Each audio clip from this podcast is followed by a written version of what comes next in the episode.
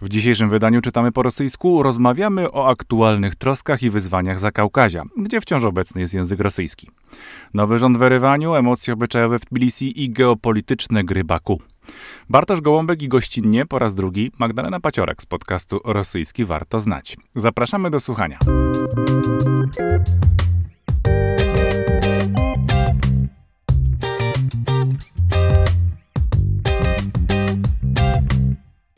Dzień dobry Państwu, cześć Magdo. Cześć. Witamy Państwa bardzo serdecznie po malutkich trudnościach technicznych.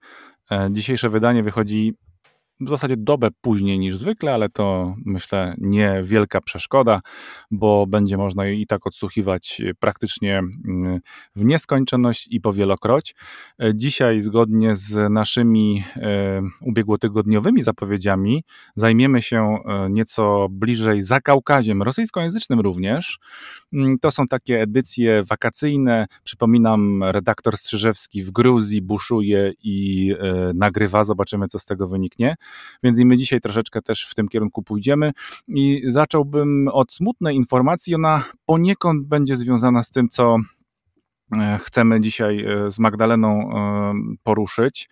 Mm, otóż wczoraj, to jest 9 mm, sierpnia 2021 roku, zmarł obrońca praw człowieka Sergiej Kowaliow, dysydent, osoba niezwykle zasłużona dla ruchu e, wolnościowego i w Związku Radzieckim, ale także współcześnie. Y, ja myślę, że ważne jest tutaj w tej biografii to przede wszystkim i warto to podkreślić, że już w nowej wolnej Rosji, e, posowieckiej Rosji, Kowaliow odgrywał bardzo istotną rolę e, w kwestii ochrony życia ludności czeczeńskiej właśnie. Był rzecznikiem praw człowieka, bo nie obywatela, ale rzecznikiem praw człowieka właśnie przy prezydencie Borysie Jelcynie w najbardziej e, trudnym chyba dla Czeczenii w końcówce XX wieku czasie, czyli w momencie, kiedy Moskwa zdecydowała się na inwazję e, na ten maleńki region. E, I właśnie Siergiej Kowaliow był jedną z osób, które z całych sił i z całego serca e, próbowały powstrzymać przelew krwi w tym miejscu na ziemi. Niestety nieskutecznie, ale mimo wszystko e, zyskał ten temat ogromny rozgłos wówczas. Kowaliow jeździł za granicę po rozstaniu politycznym z Borysem Jelcynem, próbował wciąż zabiegać o dobro i dla Rosji, i dla Czeczenii. Y, no, bardzo smutny e, dzień dla całego ruchu praw człowieka, niewątpliwie mm, e, dla całego systemu e, ochrony praw człowieka we współczesnej Rosji także. I zacząłbym również, nawiązując nieco do właśnie tej, tej śmierci, od Gruzji. Mm, w Gruzji bowiem, drodzy Państwo, czytamy na stronach echokawkaza.com, pojawia się coraz więcej mm, e, dysydentów, którzy uciekają z Rosji. To jest bardzo interesujący wątek, e, który zaczyna się tam pojawiać. Oni, co prawda, przynajmniej z rozmowy, którą można na tym portalu e, wysłuchać, to wynika, oni e, nie zawsze mają wybór specjalny, dokąd trafiają, kiedy decydują się na ucieczkę ze swojego państwa, ale mimo wszystko mm, właśnie Gruzja staje się dla części z nich przynajmniej nowym domem. To są bardzo młodzi ludzie. I najczęściej, tak jak na przykład Weronika Nikulszina czy Aleksandr Sofiejew, związani z e, szeroko pojmowanym ruchem akcjonistycznym mm, antyputinowskim, antyreżimowym. Mm, pani Weronika mm, akurat jest osobą, która była związana z e, słynnym już właściwie słynną grupą e, Pussy Riot. Mm, i jej ostatni e, występ akcjonistyczny, taki bardzo głośny, właściwie o zasięgu światowym, miał miejsce 15 e, lipca 2018 roku podczas finału Mistrzostw Świata w piłce nożnej 2018 rok, przypominam Państwu, właśnie w Moskwie, na stadionie w Łużnikach, ze swoimi znajomymi wbiegła podczas meczu finałowego rozgrywanego między Chorwacją a Francją na płytę boiska. To była 52 minuta. No, e, te osoby były poprzebierane w mundury e, policyjne. No i oczywiście no, zszokowały tym, przerwały przede wszystkim atak Chorwacji. Tak przynajmniej wyjaśniały oficjalne mm, źródła tą kwestię. Przerwały mecz, rzecz jasna, przede wszystkim, żeby oznaczyć to, jak czują się współcześni Rosjanie, do których właściwie bez zapowiedzi, bez żadnych przyczyn mogą wchodzić mm, służby e, bezpieczeństwa różnej rangi. Tak wyjaśnia to przynajmniej ona w, tym, w tym wywiadzie, na który ja się teraz powołuję. No i faktycznie Tutaj mamy do czynienia z pewnego rodzaju nową jakością prawdopodobnie. E, osoby, które trafiają do Gruzji, która, jak doskonale Państwo wiedzą, ma pewne niezamknięte jeszcze rachunki ze współczesną Federacją Rosyjską. To się ciągnie od 2008 roku. W zeszłym tygodniu była właściwie no, w weekend, e, rocznica e, tego wydarzenia, czyli tak zwanej e, wojny rosyjsko-gruzińskiej.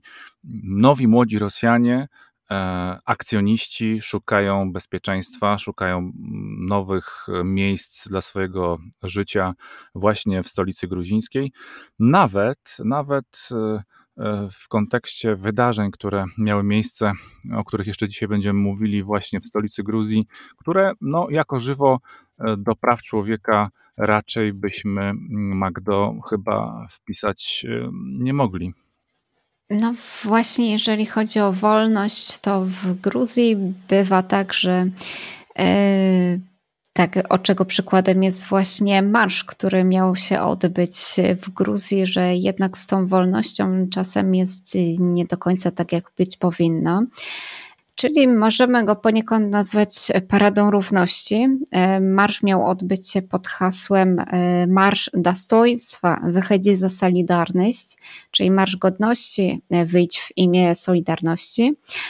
E, I jak się okazało, na kilka dni przed e, samym wydarzeniem, e, Organizatorzy dowiedzieli się, że władze nie są w stanie zapewnić bezpieczeństwa uczestnikom marszu. E, oprócz tego na posiedzeniu rządu Gruzji premier Irakli Garibaszwili wygłosił takie trochę pełne sprzeczności oświadczenie, które według niektórych stało się takim impulsem do działania dla osób y, nieprzychylnych tak rozumianej wolności. I w tym oświadczeniu mowa była o tym, że w Gruzji od wieków żyją ze sobą w zgodzie y, ludzie, przedstawiciele innych narodów, religii i jakichkolwiek innych preferencji. E, I e, on osobiście nie spotkał się z problemami na tym tle. Dodał również, że ten marsz może spowodować zamieszki i nie powinien odbywać się w samym centrum stolicy, czyli na prospekcie Rustavelli. E, dzień przed samym, e, samą paradą e, przedstawiciele ultrakonserwatywnych środowisk rozłożyli swoje namioty w centrum Tbilisi, niedaleko parlamentu. W końcowym rezultacie parada nie odbyła się. Organizatorzy marszu postawili na bezpieczeństwo i nie chcieli narazić uczestników wydarzenia na wszelkie nieprzewidziane okoliczności. Za to miało miejsce inne wydarzenie. E, na wspomnianym prospekcie Rustavelli e, zebrała się grupa agresywnych osób, która zaatakowała dziennikarzy, następnie przechodniów i również turystów, którzy wyglądali na potencjalnych e, uczestników parady. Zaatakowana została również siedziba organizatorów Tbilisi Pride i E, dosyć agresywni ludzie, nie wiem czy możemy ich określić jako bojówkarzy, dotarli również pod gruzińską siedzibę ONZ, ponieważ tam między innymi miały miejsce rozmowy organizatorów parady i przedstawicieli ONZ. E, co ciekawe, według relacji poszkodowanych w zamieszkach e, policja strzegąca parlamentu e, nie pomogła osobom, które były atakowane. Nie pomogła im również w identyfikacji wandali. I myślę, że tutaj podzielę się taką moją osobistą uwagą, że miałam okazję trochę poobserwować Gruzję, Gruzinów, miałam okazję zmierzyć się z ich mentalnością i podejściem do życia. E, I wiem, że wielu, e, marzeniem wielu jest taka ścisła współpraca z Unią Europejską, dążenie do demokra demokracji, do tego, żeby w ich życiu panowała jak największa swoboda. Niemniej jednak zdarzają się takie sytuacje, jak właśnie mm, ta parada i to właściwie, co się wokół niej działo, która obnaża w pewien sposób bezsilność władz wobec przemocy, e, obnaża też społeczeństwo, które może nie do końca jest jeszcze gotowe na taką otwartość i wartości, które nie są do końca zgodne z gruzińską tradycją. Na te wydarzenia z, sprzed miesiąca mm, zareagowała i reaguje cały czas e, opinia publiczna gruzińska. Na przykład e, cerkiew e, prawosławna, gruzińska, przypomnijmy, pierwsza autokefalia prawosławna na świecie, oczywiście także zajmuje stanowisko w tej kwestii. Chyba szkoda, że niezbyt wyraziście zajmuje stanowisko wobec przemocy, która nastąpiła wokół tej e, niedoszłej, właściwie zerwanej parady.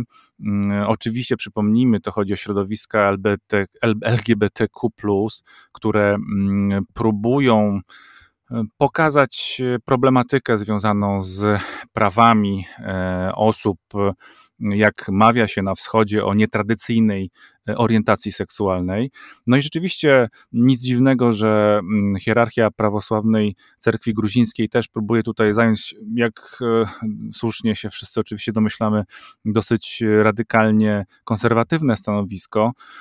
No tylko czy jedna rzecz by, myślę, że jest martwiąca, bo Gruzini oczywiście, i to Magda słusznie zwróciła na to uwagę, mm, aspirują do tego, żeby mm, ta Europa była bliżej nich i żeby oni byli bliżej Europy. Pytanie jest tylko, czy to jest jedyny wymiar, e, którym Europa mogłaby mm, się e, tutaj w, w Gruzji odnaleźć. Bardzo jestem ciekaw tego, co przywiezie Marcin Strzyżewski ze swoich spostrzeżeń. E, świeżo, bo jest teraz w, w Gruzji, więc pewnie myślę, jestem przekonany, że spotka osoby, które będą mogły mu e, coś na ten temat powiedzieć i będziemy mogli mm, z Państwem, czy Marcin będzie mógł się z Państwem tym podzielić. Mm, na pewno byłoby źle, niedobrze, jeśli kwestie europejskie byłyby związane wyłącznie z mm, prawami środowiska takiego czy innego to nie ma żadnego znaczenia. E, europejskość i Europa, myślę, że tutaj w, w trochę innych zupełnie rejestrach powinny być e, też pokazywane Gruzinom, e, a kwestie praw człowieka no oczywiście, że są fundamentalne dla, dla Europy. No teraz akurat mm, widać było to na przykład w Holandii, w Amsterdamie. W ubiegłym tygodniu finalizował się tydzień prajdowski, ale czy to jest europejskość? Nie, europejskość to są ludzie, którzy się do siebie uśmiechają, to są ludzie, którzy e, wyznają w, siłę prawa ponad E, obyczajem bardzo często. To są ludzie, którzy widzą perspektywę rozwoju indywidualnego, na co też zresztą Gruzini próbują stawiać. Bardzo jestem ciekaw, jak ta dyskusja gruzińska się potoczy. Byłbym pełen obaw, jeśli ona miałaby tylko tę charakterystykę właśnie związaną z obyczajowością, i paradami, które jednak wydaje się, że w tak potężnej kulturze, jaką jest gruzińska, o tak wielu różnych barwach, o tak szerokim zakresie oddziaływania na zewnątrz i wewnątrz, że jednak tutaj na takie rzeczy znajdzie się miejsce, więc e, temat jest bardzo żywy i zobaczymy, e, do czego będzie Gruzja także w tym kontekście zmierzała. Choć to ostatnie słowo, które bym chciał powiedzieć i myślę, że zgodzisz się Magda ze mną, e, myślę, że na dzisiaj e, tak zwana europejska integracja Gruzji raczej e, jest kwestią no, z zakresu utopii niż faktów i, i, i praktyki. Co myślisz na ten temat? Myślę, że się zgodzę z Tobą, że to są takie trochę mrzonki, które nie do końca przekładają się na, na rzeczywistość. Aczkolwiek miałam trochę do czynienia z Gruzinami przy okazji jakichś tam służbowych wyjazdów e, i przyznam szczerze, że dla nich to jest takie ogromne marzenie i jest bardzo dużo inicjatyw, które jednak dążą do tego, żeby zbliżyć się do tej Europy, Oczywiście jeszcze tutaj warto wspomnieć o gruzińskim temperamencie i tym, że w Gruzji co jakiś czas, y, właśnie, o, o, ile nie, nie można powiedzieć, że nieustannie trwają jakieś protesty przeciwko władzy, jednak ludzie chcą mieć y, prawo wyboru i chcą nawet wyrazić swój sprzeciw wobec wszelkiego rodzaju takich nadużyć. No tak, czekajmy. Ja jestem wielkim kibicem y, Gruzinów, Gruzinek oczywiście i Gruzinów, całej Gruzji zobaczymy, co z tego wyniknie. Piękna, pachnąca, kolorowa, e, no cudowna Gruzja, e, zasługuje na wspaniałe życie. Wszyscy jej mieszkańcy, nie tylko Gruzini oczywiście, mieszka tam sporo Rosjan wciąż, Ukraińców, Białorusinów, naprawdę Polaków bardzo dużo też ostatnimi czasy się tam osiedliło. Niech e, ten piękny zakątek ziemi kwitnie. Y, czy w kontekście europejskim, czy poza nim, czy bez niego, najlepiej, żeby tam wszyscy znaleźli dla siebie mm, jak najlepsze miejsce. Zobaczymy, co Marcin Strzewski przy, przy, przywiezie. Stamtąd już nie mogę się doczekać. Przejdźmy do Armenii. Armenia, sąsiadka Gruzji, a niektórzy mówią, że sąsiadka całego świata. Magda, co w, Armenii ciebie urzekło dwa słowa, jeszcze raz przypomnij i powiedz, jaki tekst y, odkryłaś y, dzisiaj. To zacznę od tego pierwszego, bo jest dla mnie najbliższe sercu. To w Armenii mnie urzekło, no nie chcę powiedzieć, że wszystko, ale na pewno ludzie e, i przede wszystkim ich kultura i to, jak niesamowicie są dumni z tego wszystkiego, co posiadają. E, potrafią godzinami opowiadać, e, pokazywać e, to, co mają, szczególnie dla turystów. Zacznijmy od jakichś potraw, po miejsca, które naprawdę są ciekawe i w większości dla europejskiego turysty jednak nieodkryte. E, a ja z kolei przygotowałam co nieco o działaniach zbrojnych, więc mój temat jest trochę z pogranicza Armenii, Azerbejdżanu. Co nikogo nie dziwi, co nikogo nie myślę, dziwi na pewno, bo tego tematu nie da się oczywiście uniknąć. Tak. No i moja informacja dotyczy tego, że ostatnio na granicy Armenii e, i Azerbejdżanu wciąż wrze. No i to nic nowego. Parę dni temu e, stało się głośno o podpaleniu przez Azerów miejsc granicznych. Za chwilę wyjaśnię jakich. E, strategicznych powodów do podpalenia może być wiele.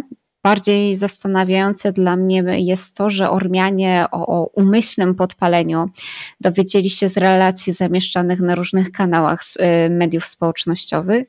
I tak się zastanawiam, czy tutaj, czy to jest jakaś taka niedopatrzenie i to, że w sumie w naszym codziennym życiu media społecznościowe są taką um, codziennością, ale z drugiej strony to w pewnym, w pewnym sensie jakaś taka cyberwojna. Tak jest, to, to może być I, część wojny informacyjnej i to taka nakierowana od wewnątrz do wewnątrz, bo nie, jest niezwykle prawdopodobne, że mm, jakaś część Ormian została zmanipulowana, że to nie były prawdziwe informacje, co ciekawe, ja tutaj na marginesie podrzucę jeszcze, zaraz wrócimy do Armenii, przecież Azerbejdżan, bo o nich mowa tutaj, o żołnierzach azerskich, którzy mieliby rozniecać ogień, e, wysyłał e, i wysyła wciąż pomoc do Turcji, e, płonącej w wielu miejscach. Dzisiaj właśnie przecież to trwa Grecja, Turcja, Włochy, wielkie upały. Azerbejdżan, tradycyjnie kulturowo związany z Turcją, no, próbuje pomóc yy, i tutaj nagle taka informacja, yy, która no, wydaje się jednak rzeczywiście chyba słusznie, zwracasz uwagę, jakąś częścią wojny informacyjnej, która jest nakierowana na wewnętrzny rynek yy, ormiański. Mhm, to prawda. E, I też zwrócę uwagę na miejsce, które zostało ostrzelane przez Azerów, bo jest to e, Jeraszch i jego okolice. E, to jest na południe między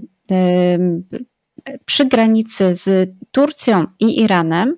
Dla Azerbejdżanu jest to strategiczny punkt, y, którego przejęcie pozwoliłoby na kontrolę drogi do Iranu. E, jest to też dla nich e, symboliczne miejsce, bo tam rozpoczęły się pierwsze walki za e, oswobodzenie Górskiego Karabachu. Również dla Ormian te tereny mają wartość, bo Jeraszch jest położony w obwodzie ararackim. Jest to miejsce przy granicy z Nachiczewańską Republiką. No, jak wspomniałam, e, to jest obwód araracki, czyli bardzo położony niedaleko Araratu, a wszyscy wiemy, że dla Ormian góra Ararat, chociaż znajduje się w Turcji, jest świętością. Masis, Masis oczywiście, tak, tak. Małe i duże Ararat tak. oczywiście obie w Turcji. Mhm. mhm. I zatem widzimy, że ten konflikt azersko-ormiański toczy się nie tylko w ramach działań wokół, wokół Górskiego Karabachu, ale dotyczy on również innych punktów, które mają, nie ma, nie ma co ukrywać, polityczno-strategiczne znaczenie dla obu państw. Zdecydowanie. Tam oczywiście chodzi też o korytarz, którym Baku mogłoby się połączyć ze swoją eksklawą. To jest sprawa, która się bardzo, bardzo już długo ciągnie i no, wiadomo, że prezydent Alijew będzie tutaj dążył do jak najbardziej e, restrykcyjnego i jak najbardziej korzystnego dla Azerbejdżanu rozstrzygnięcia a ta informacja, o której y, mówisz, no, będzie tylko zniecała kolejną agresję z całą pewnością, bo mm, Ormianie y, absolutnie y, to są, to są ludzie, którzy mają doskonałą pamięć i doskonale, tak jak słusznie sama stwierdziłaś, mm, strzegą swojego, swojej tożsamości kulturowej, swojej tradycji i góry te dwie biblijne, w zasadzie dwie, ona jest jedną, czy to są dwie góry, którą znamy jako jedną, prawda, z opowieści tej najbardziej świętej dla chrześcijan całego świata. Więc Ararat e, tutaj jest e, z jednej strony górą pożądaną, tak, naprawdę chcieliby go mieć również przywróconego do granic, w granice swojego państwa, z drugiej strony ta blokada z Azerbejdżanem, którą przeżywają, do, do czego jeszcze dzisiaj nawiążemy, na pewno jest, na pewno jest szkodząca dla obu stron.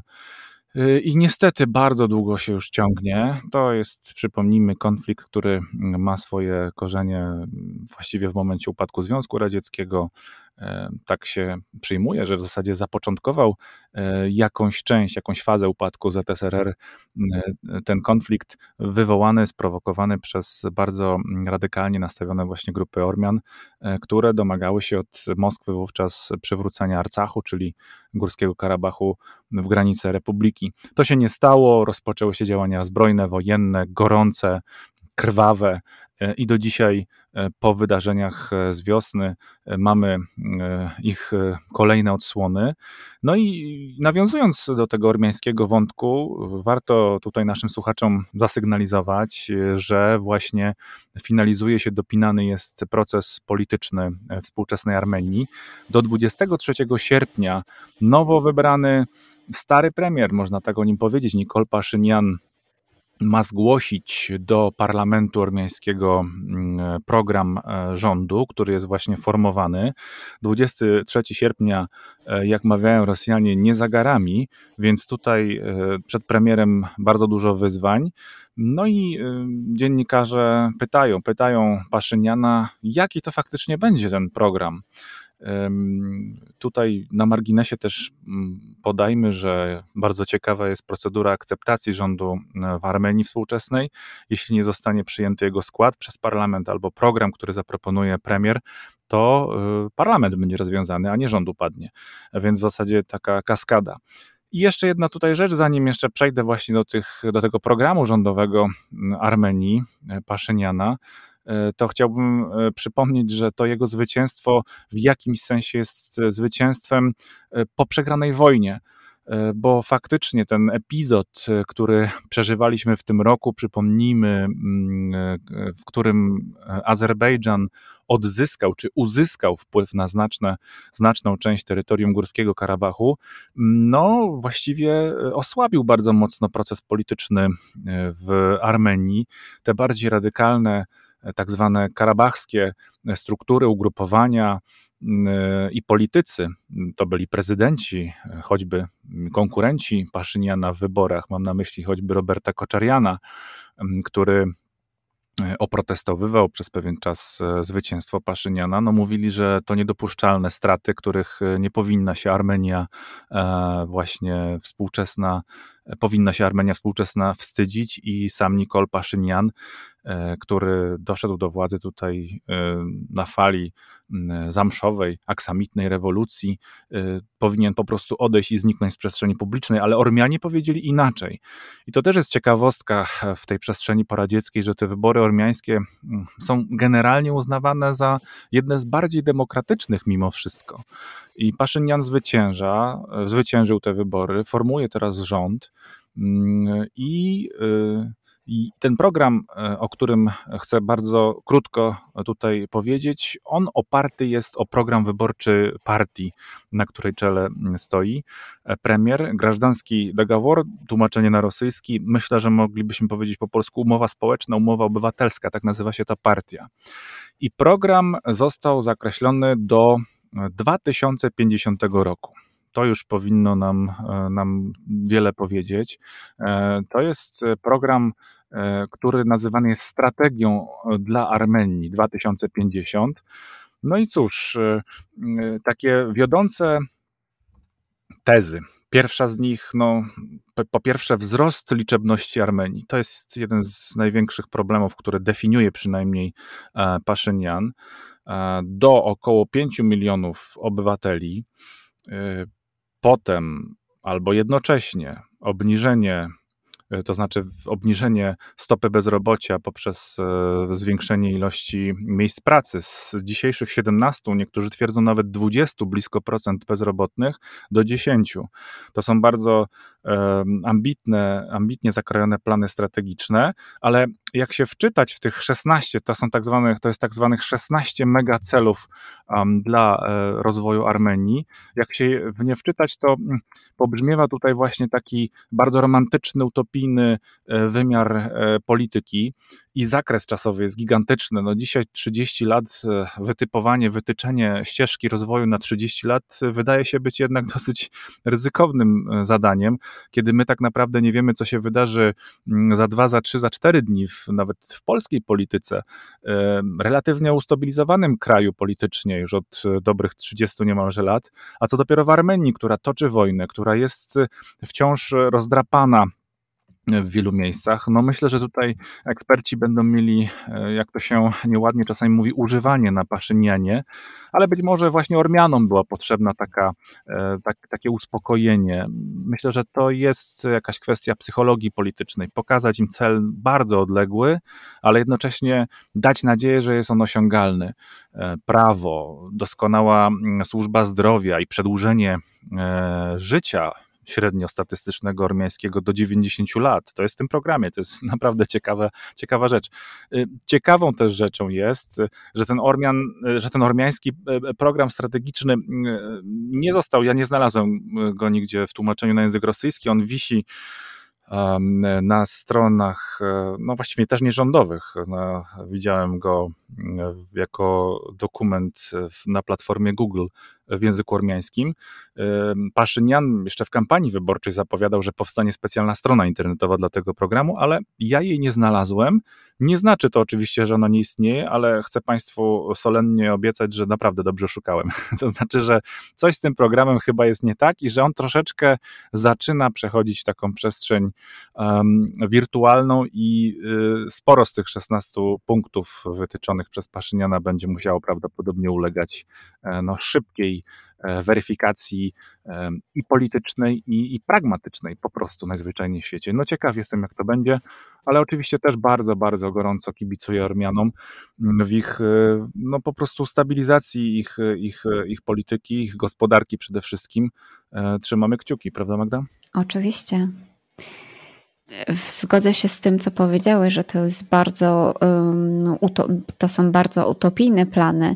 I tak zastanawiam się nawet nie tylko ze względu na politykę, bo to się często zmienia, ale zastanawiam się nad takim podejściem technologicznym, że jednak żyjemy w czasie takiego rozwoju technologicznego, że w sumie nie wiem, jak można zaplanować coś w, na 30 lat do przodu, gdy tak naprawdę 10 lat temu nie zdawaliśmy sobie sprawy z bardzo wielu rzeczy, które teraz nam ułatwiają życie i teraz są tak naprawdę już naszą codziennością, więc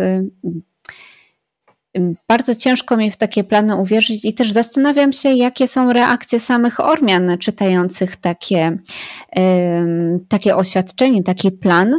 Z drugiej strony, jeżeli chodzi o na przykład zwiększenie dzietności, to parę razy w rozmowach z Ormianami spotkałam się z takim lekkim komentarzem, że jednak powinno się zachowywać takie tradycyjne podejście do rodziny, trzeba mieć jak najwięcej ludzi.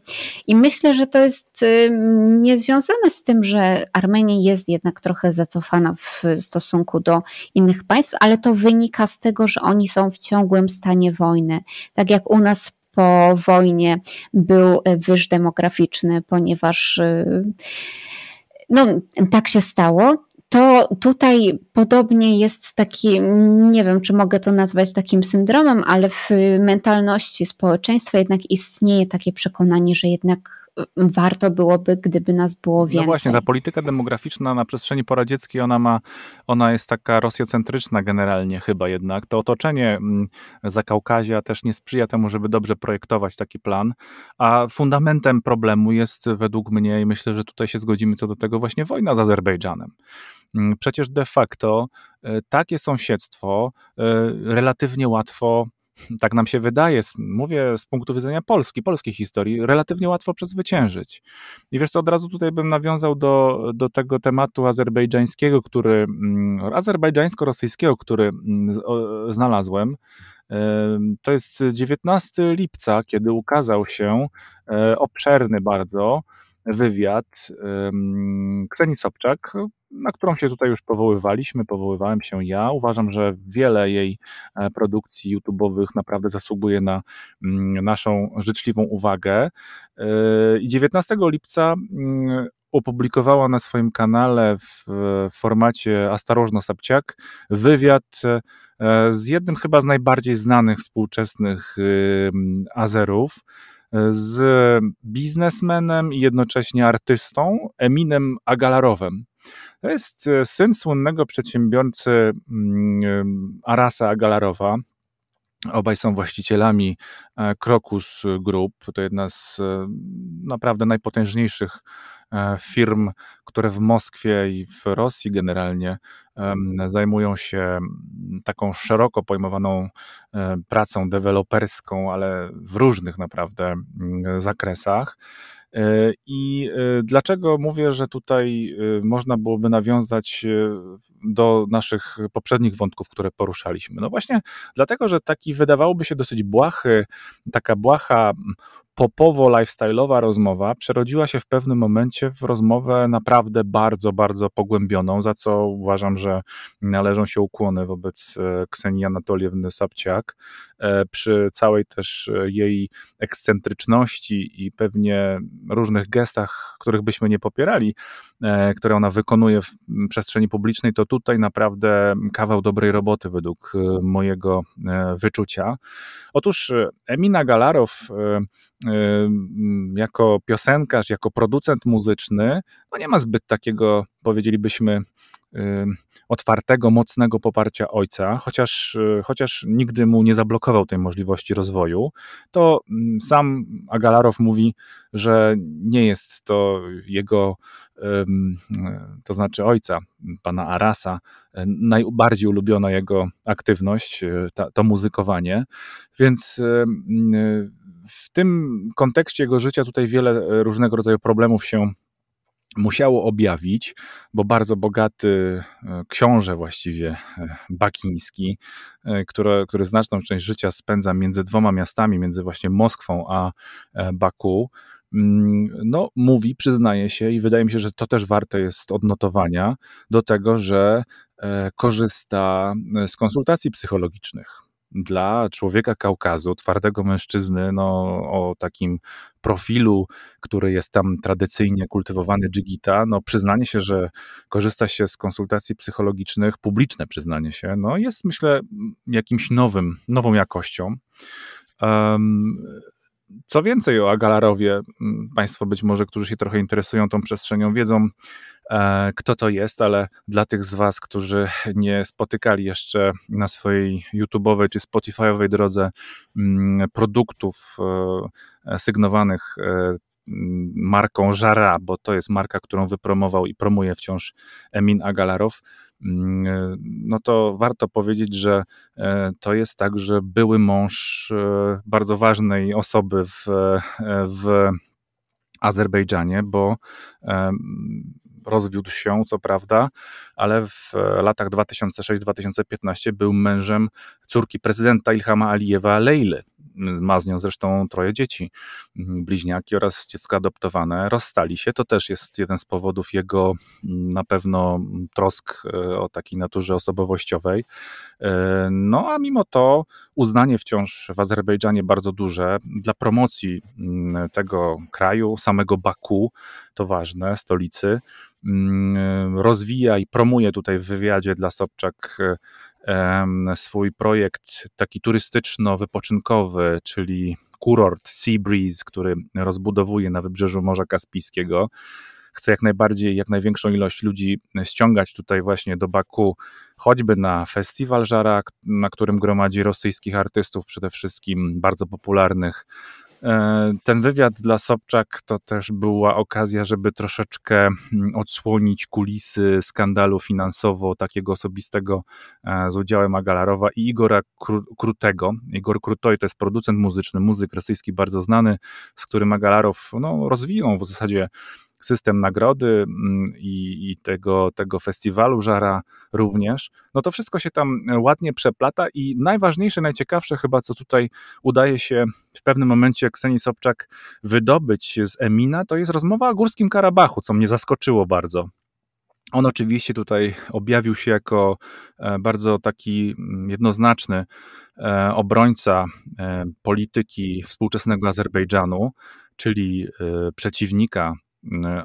Armenii, ale z drugiej strony y, Ksenia Anatoliewna słusznie i trafnie spytała Emina Galarowa, no ale jak to jest, że człowiek o takim pokroju, jak właśnie syn Arasa Galarowa, człowieka, który jest właścicielem Krokus City Group, wielkiego centrum handlowego, no przecież na swojej drodze no po prostu musi, absolutnie musi spotykać Ormian, no przecież to jest nie, niemożliwe, żeby to, to, to się nie działo. No i w takim razie co, odrzuca takie kontakty biznesowe, osobiste, jak oni to załatwiają? No i ta rozmowa zaczęła się tutaj troszeczkę mm, tak właśnie układać, y, właśnie y, tak jak Sobczak sobie to chyba wymyśliła. Emin przestał być taki radykalny.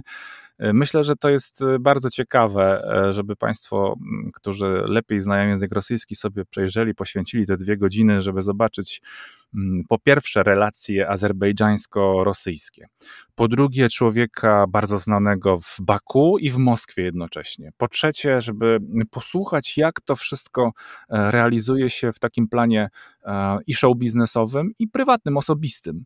No i bardzo, bardzo dużo kontekstów. Bardzo serdecznie Państwu to polecam. Dowiecie się z tego wywiadu i o Rosji bardzo dużo, i o Azerbejdżanie. Trochę też o Armenii, nie da się ukryć. No i o relacjach w świadku show biznesowym. E, taki trochę niby lżejszy temat, ale wydaje się być tematem też bardzo mm, poważnym. E, ty słuchałaś e, Magda Agalarowa kiedyś? Tak, jak, jak tak. To, jak, czy, czy przypada ci do gustu ta, ta, ta, ta muzyczna, że tak powiem, emocja?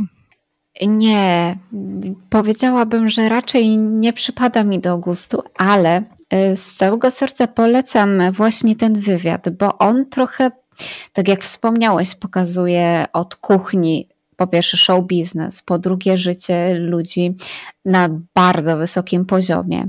Pokazuje też mentalność azerską i jak to w codziennym życiu radzą sobie właśnie z tymi Ormianami.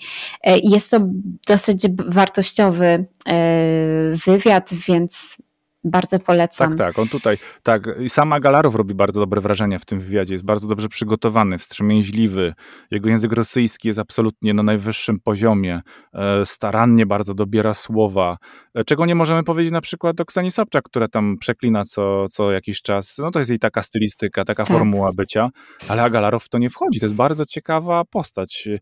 Jeszcze nieraz będziemy o nim słyszeli, jestem co do tego przekonany, czy to w kontekście muzycznym, czy biznesowym, czy nawet nawet być może zaryzykuje politycznym. Jeszcze mamy jeden tekst, który tak, który, który warto tutaj wyeksponować, jeśli chodzi o Azerbejdżan. Mhm. I nie tylko Azerbejdżan, bo również mój temat się przeplata z Armenią. E, I chciałabym jeszcze wspomnieć na koniec o tym, że e, władze Azerbejdżanu coraz częściej wypowiadają się na temat pewnej drogi, e, korytarza, który no, to jest nazywany zangizurskim korytarzem. Jest on położony w Siunkińskim, przepraszam, bardzo trudna, trudna nazwa, obwodzie Armenii. I warte jest to podkreślenia tutaj, że to władze Azerbejdżanu mówią o potencjalnej budowie trasy łączącej Turcję i Azerbejdżan, i równocześnie władze e, Azerbejdżanu swobodnie rozporządzają terenami innego państwa. Na razie tylko słownie. E, władze Armenii nie komentują tego planu, tego przedsięwzięcia. No i jak to bywa w takich trochę zagadkach, wszyscy snują domysły, że być może jest to cena porozumienia prezydentów Armenii, Rosji i Azerbejdżanu. E, autor tego artykułu relacjonuje też, że z ust ormiańskiego premiera niejednokrotnie padały słowa o tym, że odblokowanie komunikacyjnych arterii e, jest bardzo ważne dla Armenii, e, ale o tym korytarzu, o tej drodze łączącej, e, łączącej Azerbejdżan i Turcję i równocześnie dającej możliwości Armenii, no nie było mowy. E, I wspomnę, że no, niektórzy sądzą, że jest to taka karta przetargowa możliwego traktatu pokojowego na linii Erywan i Baku. Na razie to wszystko się opiera na domysłach i rozważaniach.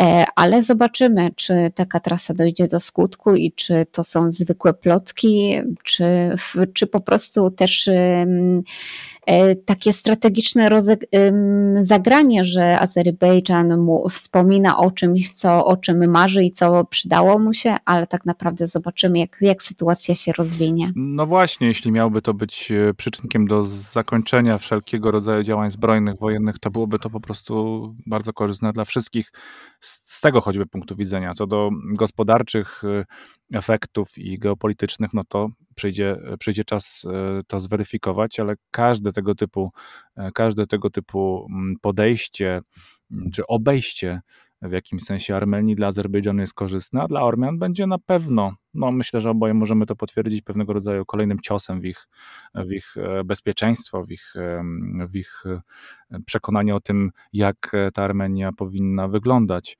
Oby nie. No ale Azerbejdżan rzeczywiście pracuje na to, żeby e, wzmacniać się także kosztem mm, agresora, bo tak myślą, mówią i, i komunikują o tym e, w Azerbejdżanie, e, tak postrzegana jest Armenia.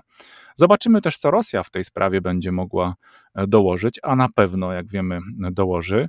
No i tym sposobem myślę, że będziemy mogli też pomalutku kończyć nasze dzisiejsze spotkanie, w którym gościnnie e, wystąpiła Magda Paciorek z podcastu Rosyjski Warto Znać, za co Ci bardzo Magdo dziękuję. E, czekamy e, też na Marcina Strzyżewskiego, na jego powrót i mam nadzieję, że już bez problemów technicznych i, i czasowych będziemy mogli się też łączyć. I przypominam też Państwu, że Magda i mam nadzieję, że to tak pozostanie. Co jakiś czas, czasami bardziej regularnie, czasami mniej, analizuje różnego rodzaju słowa rosyjskie, które znajdujemy w naszych tekstach, o których mówimy. Wszystko to, o czym mówimy w naszych e, rozmowach, nagraniach, pochodzi z przestrzeni medialnej rosyjskojęzycznej, głównie e, z Rosji oczywiście, ale jak dzisiaj Państwo na pewno słyszeli, to jest także Zakaukazie, czyli Armenia, Azerbejdżan i Gruzja. No a na zakończenie właśnie Magda.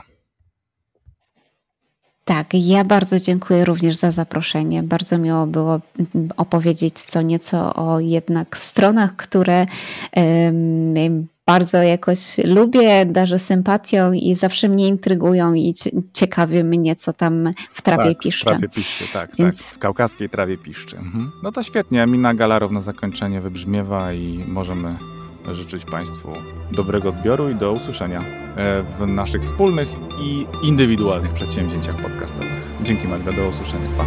Dziękuję.